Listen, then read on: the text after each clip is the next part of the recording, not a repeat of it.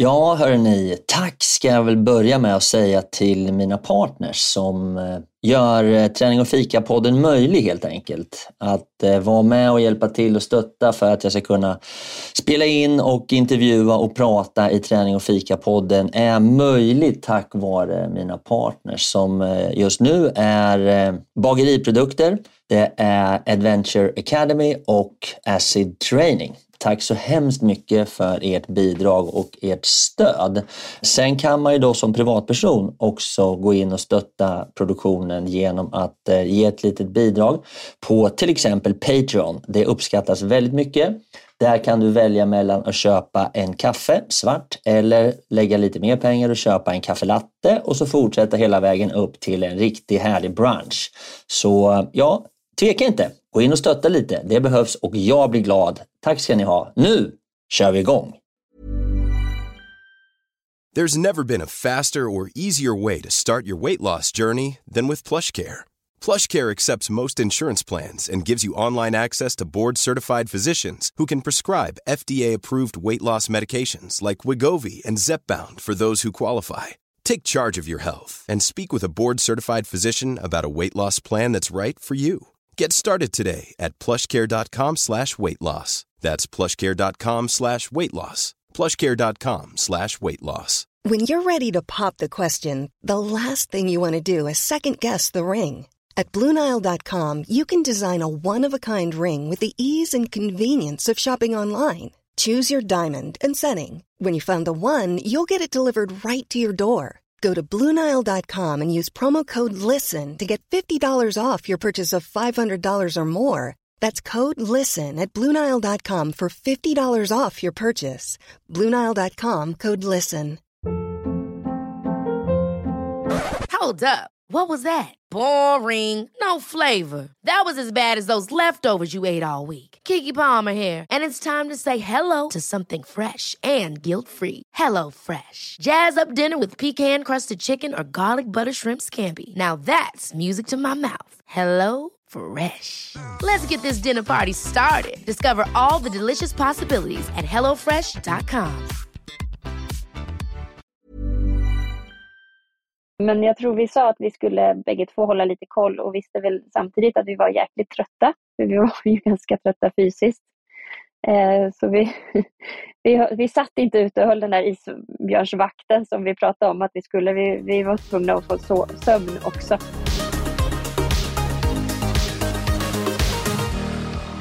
Träning och fika-podden är här igen och jag heter ju som vanligt Fredrik Eriksson och jag hälsar dig varmt välkommen till ännu ett, eh, ja, ska jag säga, ett fantastiskt spännande poddavsnitt med eh, den eh, äventyrsbedårande tjejen Johanna Davidsson. Så vi ska snacka äventyr, vi ska snacka årets äventyr, men vi ska också snacka lite Mästarnas Mästare såklart. Hon kommer dela med sig av allt som hon har gjort i hela sitt liv. Det lovar jag. Så eh, håll i er nu, för nu kör vi igång och varmt välkomna till Träning och fika-podden.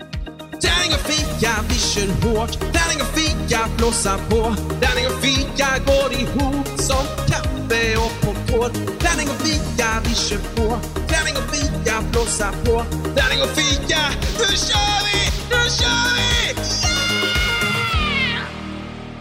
Så hörru du Johanna, då hälsar jag dig välkommen till Träning och fika-podden. Och jag tänkte så här, för de som inte riktigt känner till dig, så kan väl du lite berätta vart du håller hus och vem du är och vad du gör?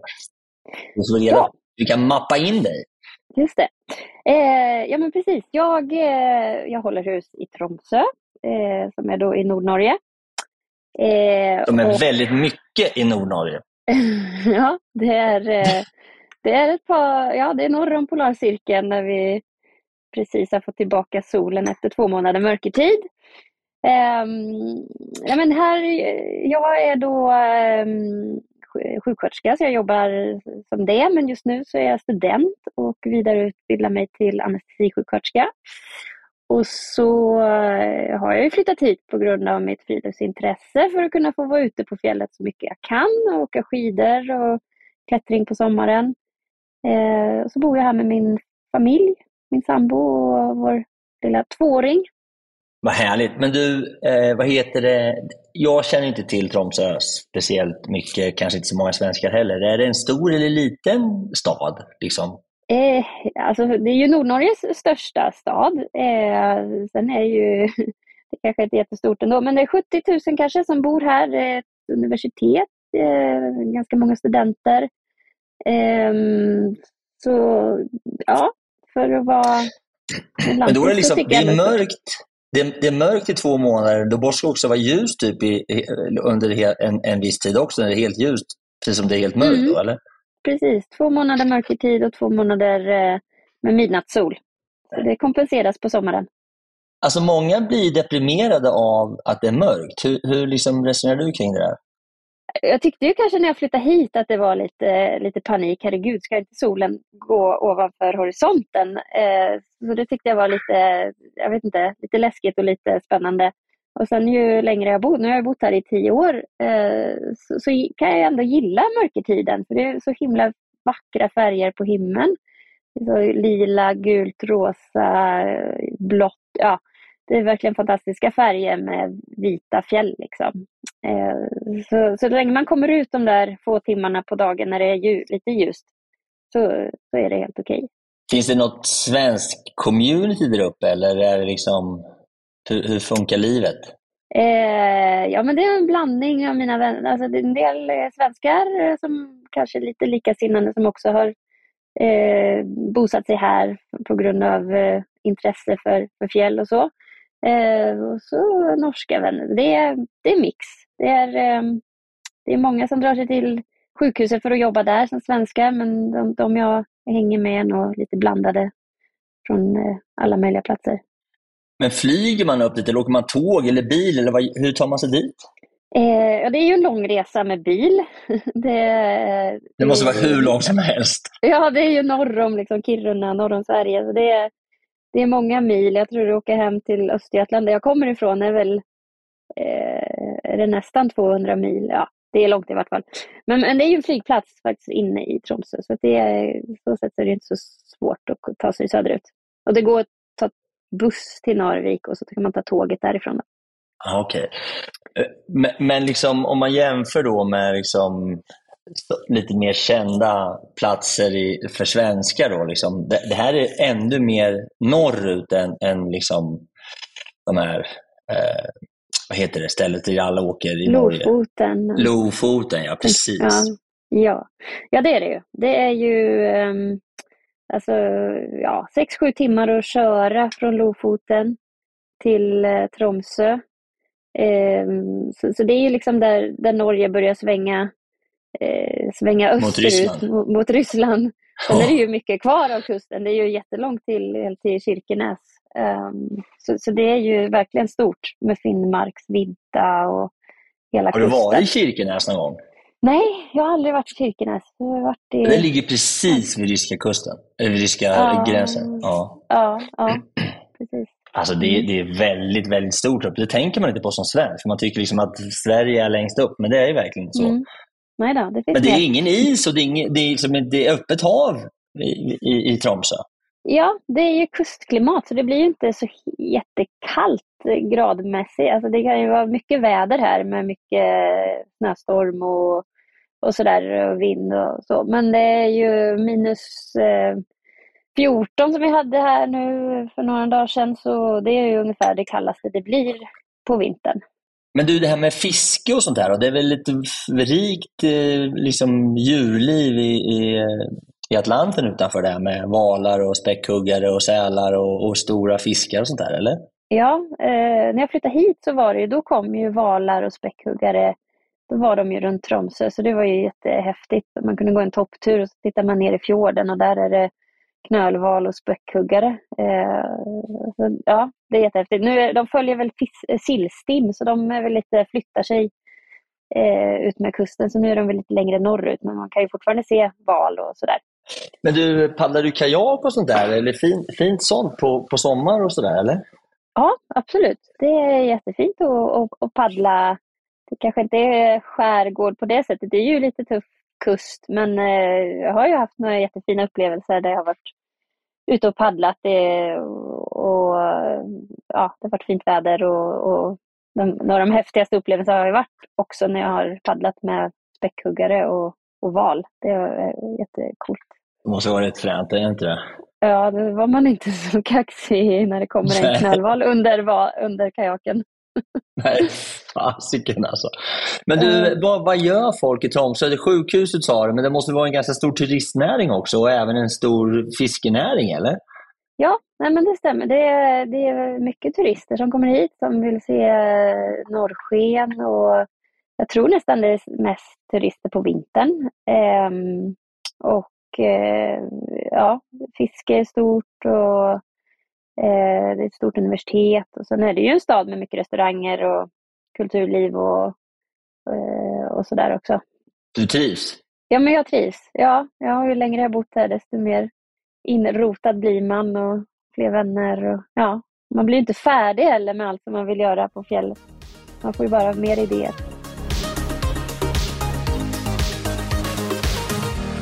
Jaha du Johanna, det råkar ju vara så att jag råkar ju faktiskt veta en hel del mer än man kan tro om dig. För du har ju faktiskt en syster som heter Caroline och ni bestämde er för att dra eh, på ett äventyr eh, över Grönland eh, på skidor och kite. Och det här är lite roligt. Jag vet ju att du, eh, du hade en dröm om att göra det här och sen så på något sätt, kan inte du berätta hur det här gick till egentligen när ni, när ni Mm. bestämde er för att göra den här helt galna grejen och ta er över, över Grönland? Berätta. Ja, men precis. Det var ju min eh, idé och, och jag hade ju det här som en, som en dröm eller idé. Då. Så, eh, jag har gått och tänkt på det ett tag och sen så var det när jag hade lyssnat på ett föredrag om en man som hade skidat över Grönland. Eh, så efter det föredraget, när jag liksom kommer ut därifrån, så bara nej, nu, nu är det dags att göra någonting åt det här. Jag tror faktiskt min syster skulle vara med på den här galna idén. Eh, så jag skickar ett sms till henne på en gång där jag frågar, ska du och jag kajta över Grönland från söder till norr om ett år? Och hon svarar direkt att ja, jag är med, skitkul, jag är på. Och så eh, går det bara en kort stund, jag får ett sms till, till. Och där hon skriver, men du, vad är kite?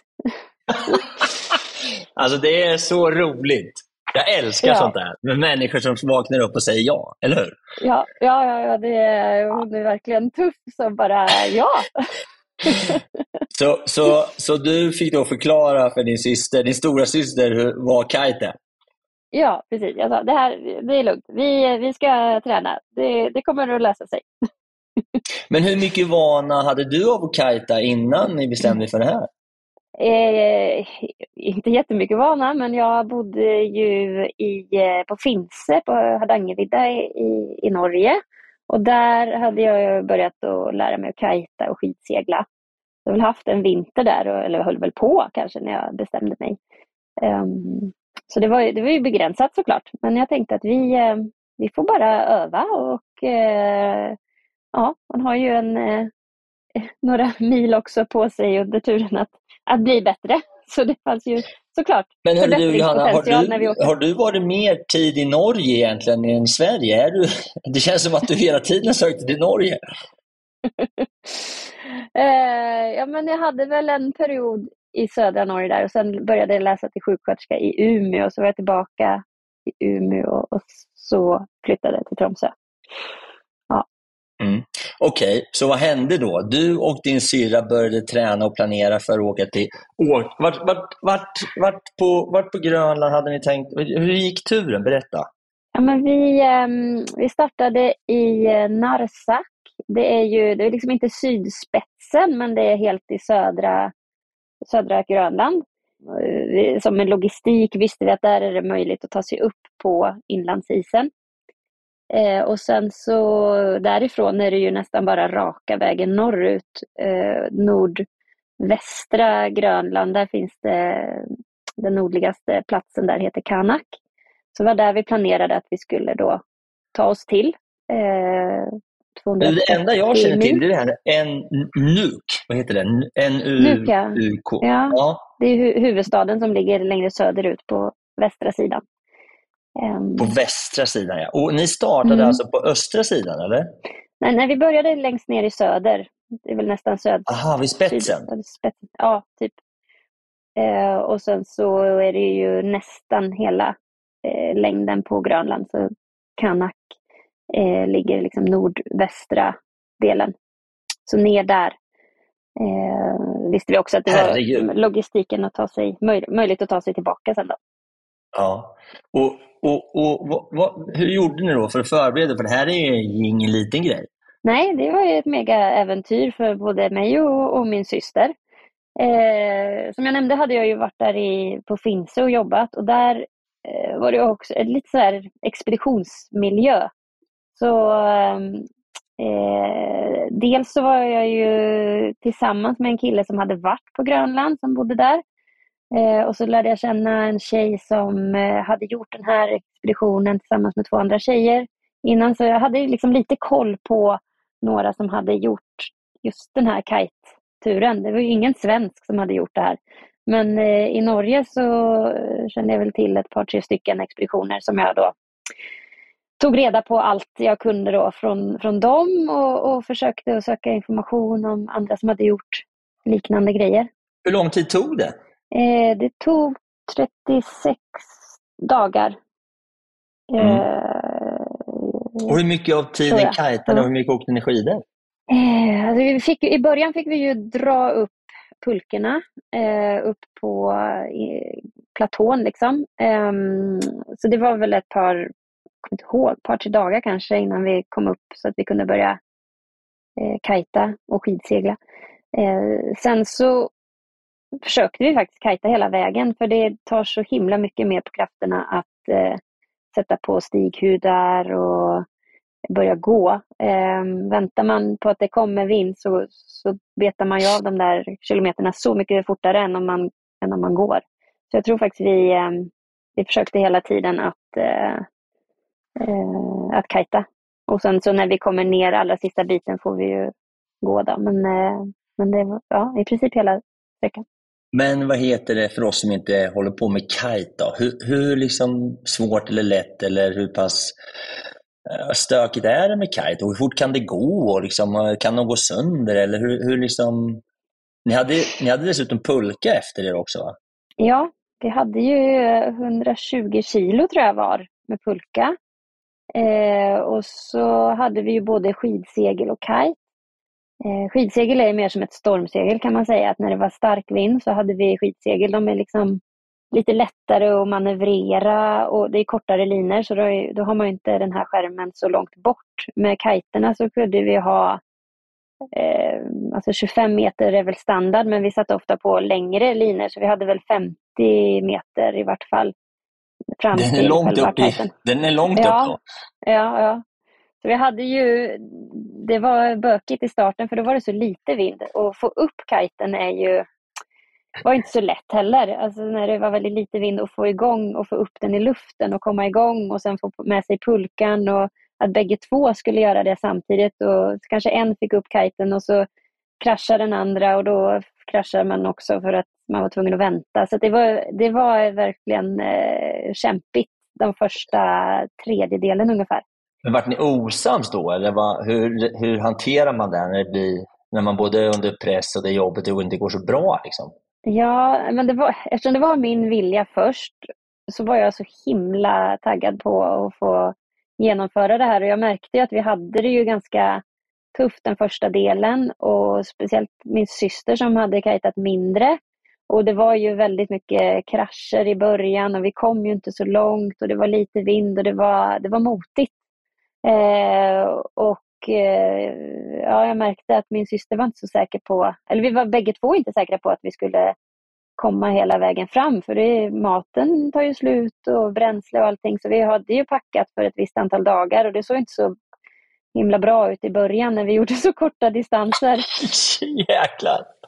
Så det var, det var ganska tufft där i, i början och min syster började bli tveksam på om vi, vi hade ju också planer såklart om det inte gick som det skulle, att vi skulle kunna ta oss ut till kusten tidigare. Så, hon började verkligen tänka på det och jag ville ju fortsätta men insåg också att det går ju inte om inte bägge måste ju vara med på det. Jag kan inte fortsätta själv.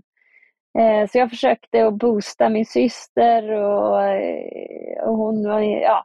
Sen så den dagen vi var tvungna att göra ett beslut så hade vi en skitbra dag. Vi fick eh, bra förhållanden och vi gjorde liksom en riktigt lång distans. Och då insåg nog hon att nej, vad tusan, det här, här går ju. Nu har vi ju dels bättre kläm på kitingen och eh, får vi fler sådana här dagar med bättre förhållanden så, så kommer vi att klara det. Och då, då vände det liksom där när vi hade kommit ungefär, om det var en tredjedel av sträckan, där tror jag att vi beslöt att jo men vi kör. Så det var, det var en tuff, lite tuff tid i början. Men när man sådär... åker som ni gör på kite, ja. sådär, då ligger ni på skär hela tiden. Med, och är det inte ganska mycket eh, påfrestning på knän och höfter och rygg jo. och sådär? Jo, det är det. Eller hur? Speciellt om man har då vinden från ett håll flera dagar i rad. Så man står på skär och lite beroende på hur mycket man måste kryssa. Eh, har man perfekt vind och mjukt underlag så är det ganska behagligt. Men ofta var det hårt underlag med lite sån här, så här strugig is, riktigt så packad hård snö. Så då var det väldigt hårt för knäna och står man då i många timmar så fick vi väldigt ont i knäna och höfter och vi hade också lite problem med handleder, att man var inte van att stå och styra den här baren i flera timmar i sträck. Så vi hade ju lite skravanker i kroppen, eh, ont lite här och där, absolut. Sen tänker jag också lite grann på underlaget. Det känns som att det finns risk Fast det kanske inte var så, men jag kan ju se framför mig att, liksom att isen och snön tjorvar ihop sig och det är liksom, du kommer åkande och helt plötsligt så kan det vara sprickor eller alltså stö, stökig terräng. Men det kanske, inte, det kanske är ganska platt, eller? Eh, det är nog, alltså uppe på så är det minimalt risk för sprickor. Men om vi hade navigerat lite fel, att vi började liksom komma oss ut mot kusten, då hade det varit risk att hamna i någon glaciärsprickområde och när vi, både när vi går upp och vi går ner, där fick vi ju, där gick vi inknutna och fick liksom eh, navigera lite för att Man kliver undvika. liksom upp på själva glaciären och sen är man uppe på den, ungefär som Hardangervidda ja. fast det är liksom mer platt. Ja, ja det kan ja. man säga. Mm. Och hur fort kan man få upp en sån här kite då? Eh, alltså det kan ju gå väldigt fort. De som är duktiga eh, kajtar väl i 100 km i timmen i vart fall. Men eh, jag vet inte, vi kanske när det var bra förhållanden, kanske 50 km i timmen. Om Åh, vi gasar på. Men då går det ju fort. Och, eh, men vi, ja, det var kanske mer standard vid 20-30 km i timmen när det liksom gick bra. Men, eh, men det går att kajta fort ja. Var du aldrig rädd, eller var ni aldrig rädda när ni var där ute? Man är ju väldigt själv och det finns väl en hel del isbjörn och sådär också, eller? Ja, när vi, eh, vid kusterna gör det ju det. Så det var vi ju, vi hade ju en plan där att vi, vi hade ju med oss gevär, morfars eh, gamla gevär som, eh, som vi hade med. Eh, och när vi kom ner från isen då var vi ju lite mer utsatta. Vi såg isbjörnspår och eh, vi sa väl det, vi, vi, ja, men vi får Eh, Eh, på natten, att vi får hålla lite koll och eh, ja, vi, vi, vi, gör det. Men jag tror vi sa att vi skulle bägge två hålla lite koll och visste väl samtidigt att vi var jäkligt trötta. För vi var ju ganska trötta fysiskt. Eh, så vi, vi, vi satt inte ute och höll den där isbjörnsvakten som vi pratade om att vi skulle. Vi, vi var tvungna att få sömn också. Hur, hur tajt var det då marginalmässigt att ta sig över Grönland? Hade ni liksom god marginal och var i god vigör eller var ni liksom nerkörda i, i skorna och trötta och slitna och det var snart slut på mat och energi? Eller hur, hur, liksom, hur var resan, äventyret? vi var ju jätteglada när vi hade liksom genomfört det här och jag tror att vi, vi hade nog både och under resan, att vi var dels den där jag berättade om förut, att vi var så osäkra på mycket krascher och det gick trögt och sådär. Och där fick vi ju känna på att det var tufft och också vår relation att det, vi kände ju varandra och gjort mycket men det här var ju, allt sätter sig lite på sin spets när det var en så stort äventyr och sådär. Eh, och att vi hade lite olika vilja, eller att eh, jag ville gärna fortsätta och hon var inte säker och sådär. Um, och sen så vände det där och då hade vi väldigt bra, alltså då gick ju det bra. Sen hade vi ju några, någon, något oväder där vi hade, det var lite väl spännande någon, någon dag när det blåste väldigt mycket. Och, eh, och vi tappade kontrollen men det, vi fixade liksom det. Och sen så när vi kommer ner eh, så är vi så himla glada och det är jättegod stämning när vi har kommit ner från isen. Men vi hade ju också fortfarande många, några kilometer att ta sig ut kusten och det fick ju visa sig att det var ju fysiskt jättejobbigt att komma ner på barmark för det var ju vår, det var juni så då hade ju snön smält. Och dra de här pulkorna som kanske väger 90-80 kilo då, eh, var jäkligt tungt över moränrygg och sten och jord och gräs. Och så där, där fick vi ju slita jättemycket men jag tror vi ändå var ganska nöjda och stärkta av att vi hade klarat att ta oss över hela, eh, över hela isen. Så, det, så det, det gick ju ändå bra även om det, vi hade den här positiva jargongen vi lyckades få att vi hade döpt pulkorna till att de var de fick inte heta tunga utan de var lätta. Vi skulle bara använda ordet lätt. Eller så fick vi säga pip. Eller så fick vi säga relativt lätta om det var helt jävligt. ja, det är underbart. Men du, eh, vad heter det här med Grönland då? Är det någonting som du tycker man ska åka till eller? Ja, jag tyckte det var helt fantastiskt och jag skulle jättegärna åka tillbaka till Grönland. Så det var, jag är jätteglad att, att min syster sa ja och att vi fick uppleva det här. Eh, så har vi mest sett, sett liksom inlandsisen men det finns ju jättemycket mer att se och äventyr att göra på Grönland. Absolut. Men hörru du Johanna, det är också så att eh, nu kommer ju ett nytt eh, program av en favoritserie som heter Mästarnas Mästare och där är ju du med som äventyrare. Ja, det är jättekul. Det är skitkul. Ja. Vilka mer är med? Berätta. Eh, det är eh, Anja Persson, eh, Joel Lundqvist, Sebastian Larsson, eh, Anna Wik, innebandytjej och handbollstjejen Johanna Alm. Och eh, Tony Rickardsson, Emma Johansson, cyklist och så var det brottaren Jimmy Samuelsson. Jag tror jag har sagt alla nu. Vi var nio stycken i vart fall. Men du, vart var ni den här gången då? Eh, vi var i eh, Girona, eller Girona, i eh, norra Spanien, norr om Barcelona. Jaha, hur var det då? Ja, men det var jättehäftigt. Det var verkligen en upplevelse. Det var, eh, eh det var ganska galet att vara med på, vad ska man säga, det är ju så lite vuxenlek att vara med på en massa tävlingar. Och jag har ju inte, kommer inte från den bakgrunden. Jag har ju inte tävlat sådär och jag visste inte riktigt hur pass tävlingsmänniska jag är, men det, var, det, det kom fram en, en tävlingssida eh, hos mig som jag kanske anade att jag hade, men inte visste att jag hade den så starkt. Jättekul att, att, eh, att du får vara med i ett sånt här sammanhang också. Eh, utifrån ett äventyrsperspektiv tycker jag är fantastiskt roligt. Mm, det var jättekul jätte, och så förvånad att, att jag blev tillfrågad bara. Så det är ju det är jätteroligt. Det är lite cred till vår lilla värld tycker jag. Ja, ja men precis. Vad heter det, är du nöjd då?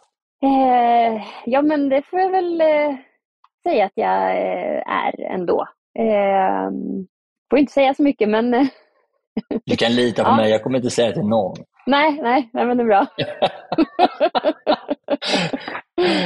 ja, men vad kul. Hur, länge var man, hur länge är man borta? Liksom? Man åker dit och sen så är man med och tävlar och så kan man åka med eller åka ut. Och så men, men åker man hem sen ja. eller kommer man tillbaka? Eller liksom är det en tripp fram och tillbaka? Liksom? Eh, nej, men ja, det är en tripp. Man är, åker dit och så är man med tills man åker ut. Liksom.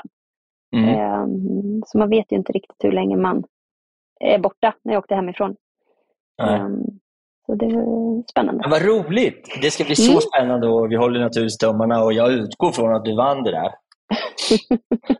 det ja, det är bara att följa med och se. ja, det är härligt. Men du, eh, jag tänkte då att vi skulle ta oss vidare Johanna, eh, tidsmässigt också, men också till ett helt annat ställe. Du fick ju för att du skulle kajta till mitten på Sydpolen eller åka skidor dit och så kajta tillbaks. Alltså Sydpolen, det känns så långt bort så det kan inte jag fatta. Berätta lite grann om hela den här, det är ju extremt mm. knäppt. Ja. ja det, det, var 2016 va? Ja, 2016, 17. Och då var du själv? Mm. Det ja, du tröttnade på syran? jag ville gärna, eller jag tänkte vi kunde göra det, men hon hade ju då eh, kriterierna var när vi gjorde Grönland var ju, ja men vi har ingen anledning till att inte göra det. Vi har varken eh, ha barn eller gifta oss. Eh, men nu skulle ju hon ha barn när jag eh, planerade Sydpolen så det blev svårt att bli med då. Så du fick åka själv? Ja, precis. Men du, um, Sydpolen alltså, det är nere vid, vid Patagonien och där, det är dit man flyger, eller hur, hur funkar det? Mm, precis, jag flög till, till Chile, till Punta Arenas. Ja, så där flyger man utifrån och så blir man, blev jag då avsläppt eh, inne på kontinenten. Eh, det byggs upp ett basläge där på den chilenska delen av eh, Antarktis. Och så är det en kort flygtur från baslägret till kusten. Och så startar jag på en plats som heter Hercules Inlet och så skidar, skidade jag in 113 mil in till Sydpolen. Och så till den här kulan eller? Ja, till den här kulan. Precis. Men då måste man bara fråga, varför då? ja, men lite som du sa, att det är ju så långt bort så man fattar ju inte riktigt att det, hur kommer man sig ens dit? Det var nog det som var, alltså det kittlade bara att tänka på att få, få göra det för att det är, det är så få förunnat som kommer till Antarktis och får komma till Sydpolen. Och uppleva det. Så det kändes nästan lite oöverkomligt och därför var det också väl någonting som jag verkligen gick igång på att det här vill jag verkligen göra. Se om jag klarar jag och, och få till det här. Eh, planera allting eh, och, och vara så pass förberedd att jag är redo för att göra ett så stort äventyr och ha liksom koll på alla delarna. Och man har ju, dels är man ju såklart eh, eh, lämnad lite ensam, att man är så långt bort från all civilisation. Eh, men så är det ju också ett så dyrt äventyr så man har ju inte råd att misslyckas faktiskt. Jag måste se till att jag har precis allt eh, klart och preppat. Och men hur lyckades du finansiera en sån här grej? Och liksom... Jag tänkte ju lite naivt först att eh, ja, men sådana här äventyr det söker man sponsring till och så får man pengar och så ger man sig iväg. Eh, så enkelt var det inte. Nej. Nej, det visade sig att eh, söka sponsorer, det är ingen lätt match. Eh, det, är säkert olika om man tycker att det är, om man är väldigt bra på det och tycker det är kul så kanske det är en lättare match. Men för mig då som gillar att vara ute och göra eh, liksom själva äventyret såg det som ett nödvändigt ont att söka sponsorer. Ehm, så det var ju inte så himla lätt att, att få några pengar. Det var ju mycket lättare att kan få utrustning och sådär. Men just att få, få en ekonomisk eh, stötta, det är inte så...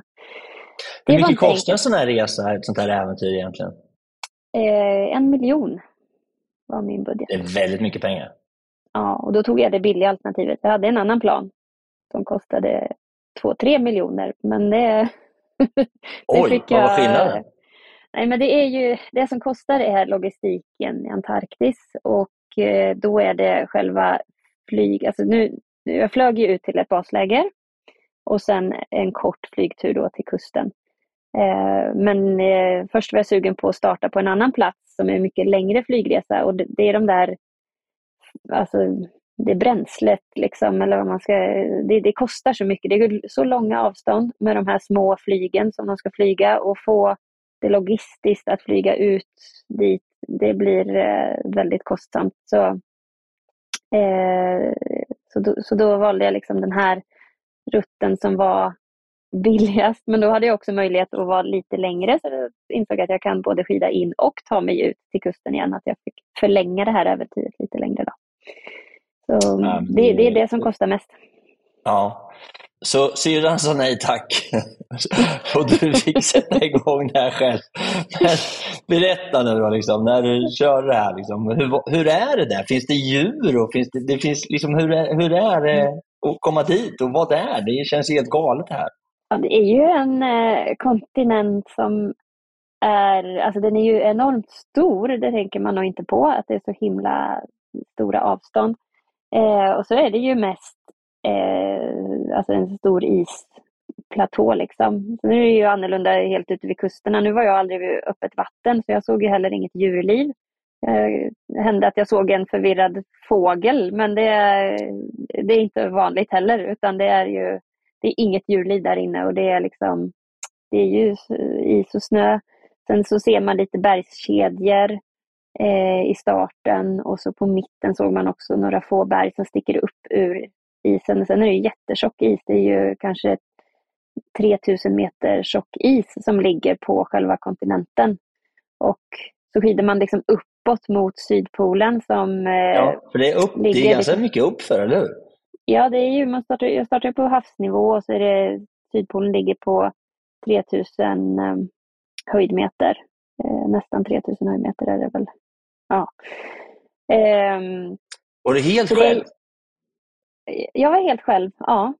Eh, sen på Sydpolen är det ju en, en, ett basläger. Dels är det ju den amerikanska forskningsstationen och sen är det då det logistikföretaget, eh, amerikanska logistikföretaget som jag hade eh, rest med. De har ju ett, byggt upp en, ett litet eh, basläger eh, för säsongen. Liksom. Så det är där ja. jag kommer fram till och får, eh, där fick jag liksom komma in i ett varm, uppvärmt tält och där fanns det mat och sådär.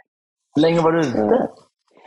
Eh, det tog 38, nästan 39 dagar att skida in. Och ta sig dit? Ta sig dit, ja. Ta sig in till, till kulan? Ja, från start. Hur är den där kulan? Jag har alltid undrat. Den är, det är en stor silverkula, eller hur? Ja, det är en stor silverkula med eh, flaggor runt omkring och den sitter ju liksom fast i isen. Och det är ju en glaciär så den rör ju på sig. Så den, den flyttar sig ju 15 meter varje år. Så därför så är det ju som två sydpolar. Dels är det den som de kallar The Memorial South Pole. Eh, och sen så har de då eh, den faktiskt riktiga sydpolen som de bygger upp varje år och då mäter de ut exakt vart den ska vara. Och där sätter de en liten staty som görs en ny för varje år. Så den hamnar ju på en ny, ny plats liksom varje gång. De ligger ehm. relativt nära varandra då eller? Jo, det gör de ju. Det är gång efter. Ja. Så du har varit vid båda? Ja, ja bägge ja, precis. man tar ju oftast bilder vid den där silverkulan liksom, och sen, sen måste ja, man ju gå till den andra. Ja, den är väldigt fin. Ja, den är väldigt fin. Liksom, ja. Eller hur? Och den är liksom, så himla karamell. ren. Och, ja, verkligen. Ja.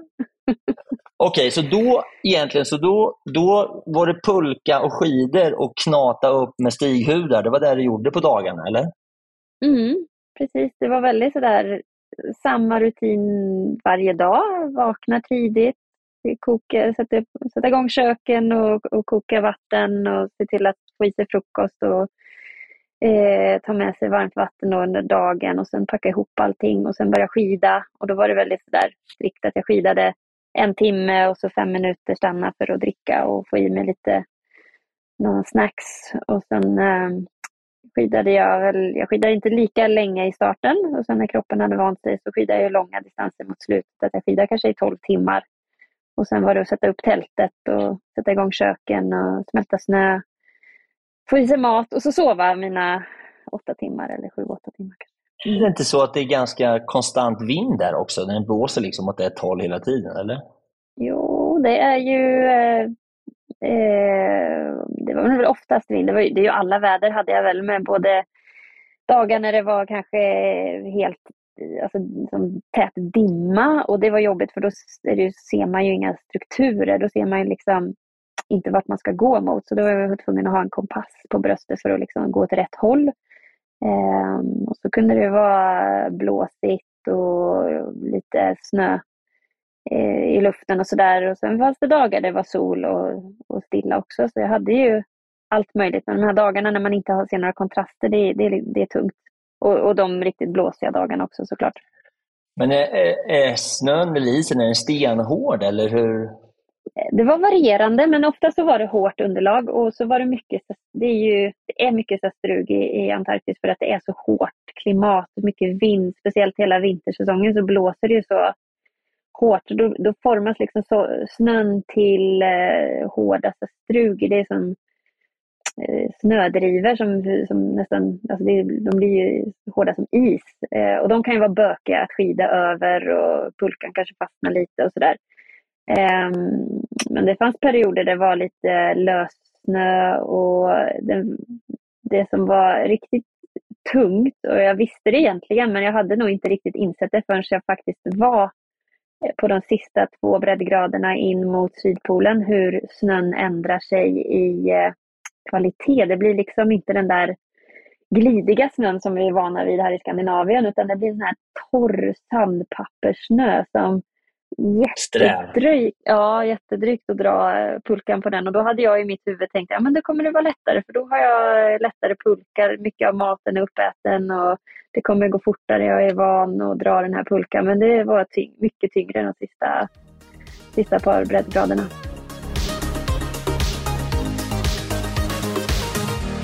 Men under en sån här, eh, liksom, sån här resa, vad äter man för mat då? Vad åt du på dagarna och på kvällarna? Och liksom... Det är frystorkat som man eh, kör då. Sen hade jag eh, med mig en massa snacks och eh, försökte att pimpa upp de här maträtterna så bra jag kunde. Jag försökte köra variation för jag vet att jag tycker att det, jag gillar ju mat och lite goda saker så även om jag hade eh, frystorkat varje gång så hade jag olika typer av rätter och så hade jag tagit med parmesanost och olja med någon tryffelsmak kanske. Alltså lite sådana här små grejer som kan betyda så himla mycket när man är ute. Eh, det smakar ju så mycket bättre att ha lite, lite extra gott eller varm choklad med lite whisky i eller ja, snacksen var ganska varierad med både nötter och hemgjorda snickersbomber och ost och skinn, alltså fetkorv och sådana där saker. Det är, ja, Hade du med dig det från Sverige eller köpte du där nere i Patagonien? Både och. Jag hade med mig frystorkat från Sverige eh, och sen fick jag ju komplettera med eh, nötter och ost och sådana där grejer.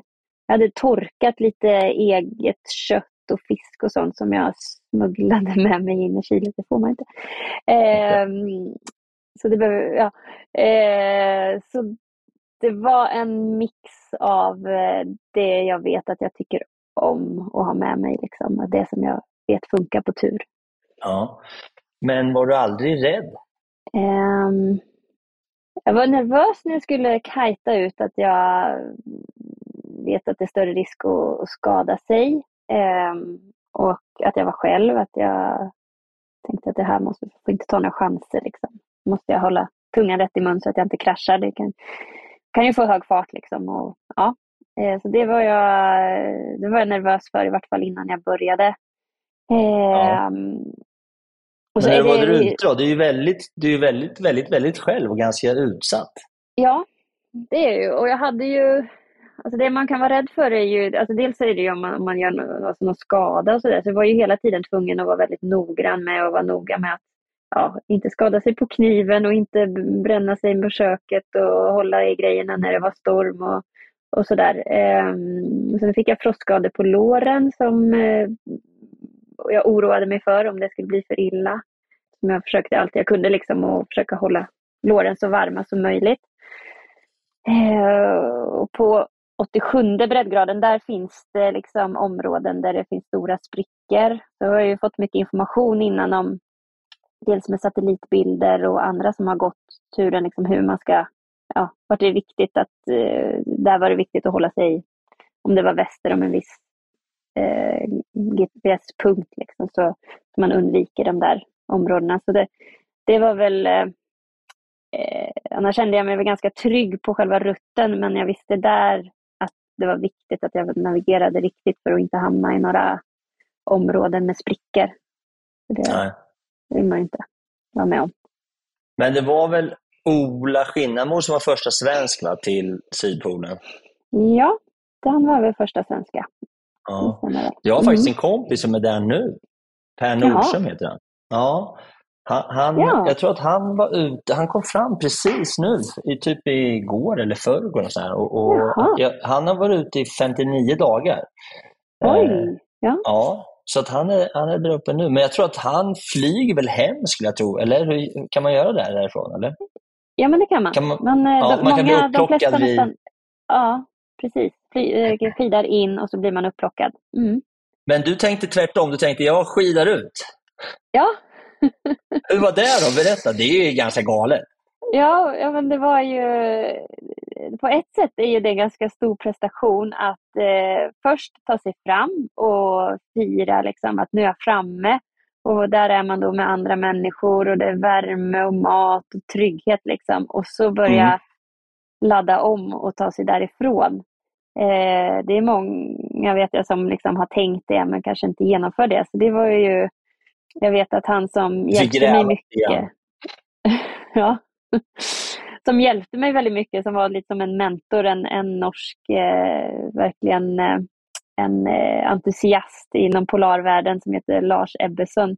Han, eh, han tycker att det var min största prestation, att jag faktiskt tog mig ut igen. Um, så, så det var, men jag är väldigt glad att jag gjorde det, för att det var en helt annan resa. Jag hade ju Eh, jag hade ju inte tänkt att jag skulle skida snabbt eller så, men eh, dels hade jag tänkt att det var kul att komma in till julafton. Och så fanns det ju det här rekordet, som, eh, det kvinnliga rekordet som var 39 dagar. Eh, och så började jag ju se efter halva vägen att jag hade ju faktiskt skidat fortare än vad jag hade trott. Och då började de här små hornen växa ut, att ja, men jag ska nog se minsann om jag inte kan komma fram till julafton. Och då blev det så eh, stark vilja så att jag pressade mig ganska hårt eh, i slutet. Där jag egentligen hade kanske behövt en vilodag för att bara njuta av resan. För det var ju det jag hade tänkt, jag skulle bara njuta av den här resan. Men, men det var också kul att se om man klarade att pressa sig lite. Och, och, och ja. Så, så det, det gjorde jag ju och då var jag ju ännu mer liksom, strukturerad och skidade på. och Eh, och sådär. Så när jag väl kom fram så var det ju, då hade jag fem dagar på Sydpolen och jag fick liksom vila och eh, ta hand om de här låren och sådär. Eh, men sen när jag fortsatte ut så var det så himla härligt att ha lite mer, ja men bara, om det inte var så bra vind så, så kunde jag njuta en hel morgon och ligga i tältet och, och bara getta mig tills det blev vind liksom och, och ha, ha det lite lugnare på turen ut. Men du firar julafton på den här polarstationen där. Det är ju en ganska stor byggnad där som är, den är permanent, eller hur? Ja, den, den amerikanska forskningsstationen ja. Eh, där eh, hängde inte jag utan jag var i det lilla campet bredvid som är då eh, det här lo- logistikföretaget. Eh, så där är det ett tält med en kock och en camp manager och sen så hade, eh, fanns det små tält utanför så jag bodde ju fortfarande i tält. Ja, Eh, okej. Men man kunde ändå liksom komma in och eh, jag fick en rundvisning på den amerikanska forskningsstationen. Då. Så Jag fick komma in och se. Vad kul!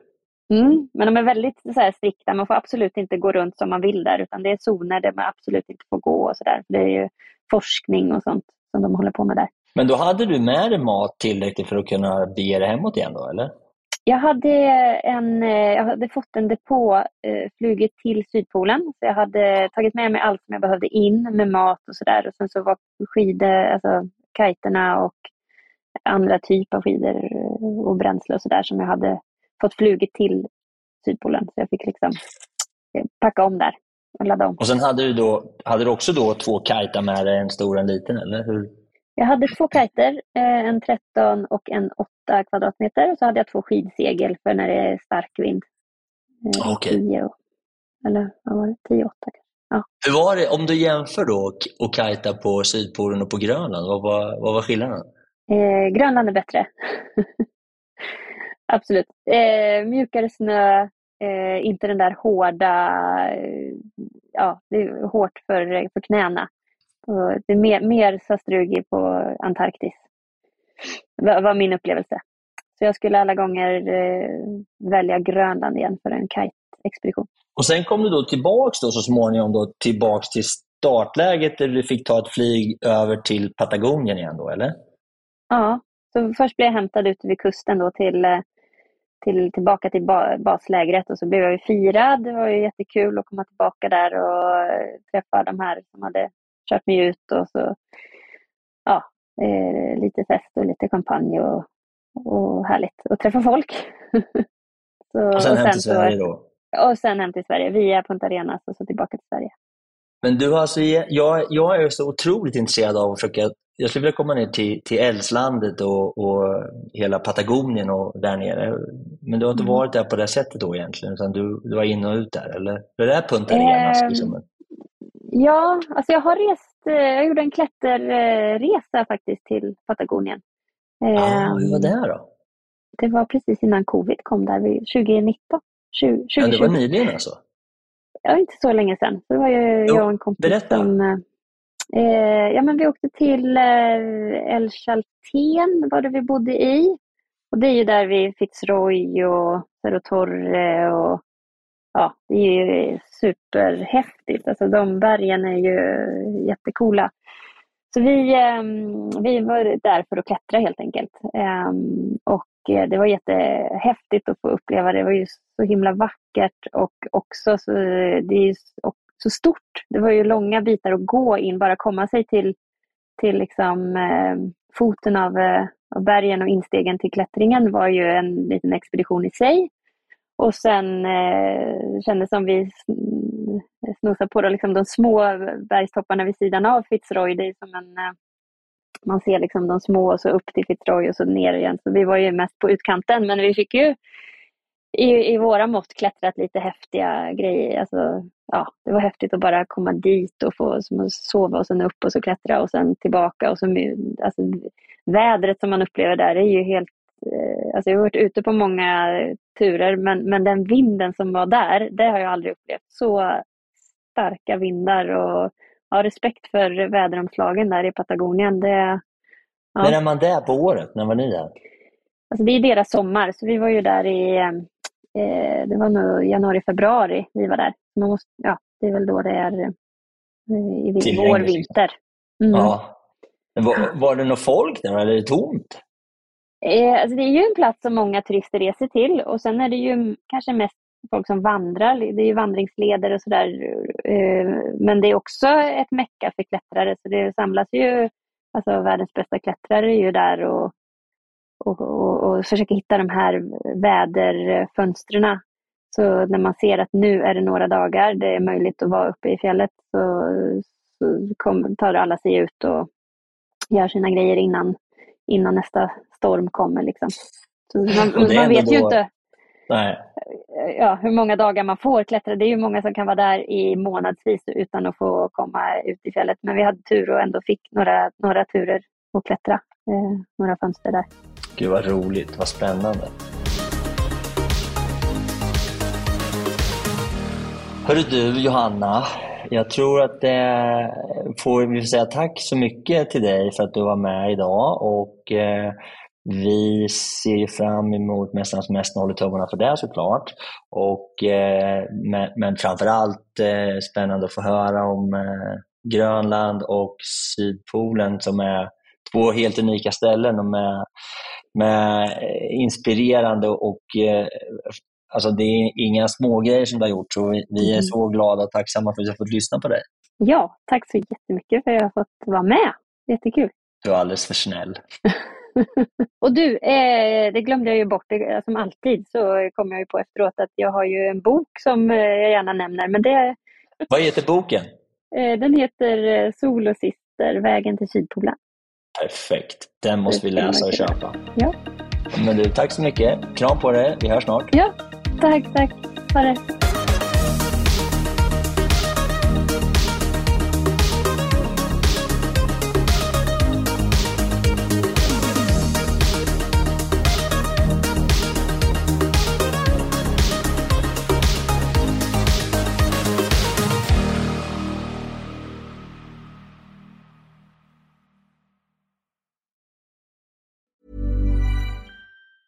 Planning for your next trip? Elevate your travel style with Quince. Quince has all the jet setting essentials you'll want for your next getaway, like European linen, premium luggage options, buttery soft Italian leather bags, and so much more. And it's all priced at 50 to 80% less than similar brands. Plus, Quince only works with factories that use safe and ethical manufacturing practices. Pack your bags with high-quality essentials you'll be wearing for vacations to come with Quince. Go to quince.com slash trip for free shipping and 365-day returns. Hold up. What was that? Boring. No flavor. That was as bad as those leftovers you ate all week. Kiki Palmer here, and it's time to say hello to something fresh and guilt-free. Hello Fresh. Jazz up dinner with pecan-crusted chicken or garlic butter shrimp scampi. Now that's music to my mouth. Hello Fresh. Let's get this dinner party started. Discover all the delicious possibilities at hellofresh.com. Det var allt för den här gången hörrni och jag tänkte avsluta lite kort med att återigen tacka mina fantastiska partners och sponsorer som är Bageriprodukter, Acid Training och Adventure Academy. Och eh, återigen, har du en krona över eller är helt enkelt sugen på att bjuda på en kaffekopp så gå in på min Patreon och eh, köp en kaffe, en kaffelatte eller en hel brunch så kan jag fortsätta spela in podden, producera nya härliga avsnitt och eh, fortsätta att underhålla dig. Hoppas du har haft en fin lyssning och att vi snart hörs igen. Tack så mycket. Hej då!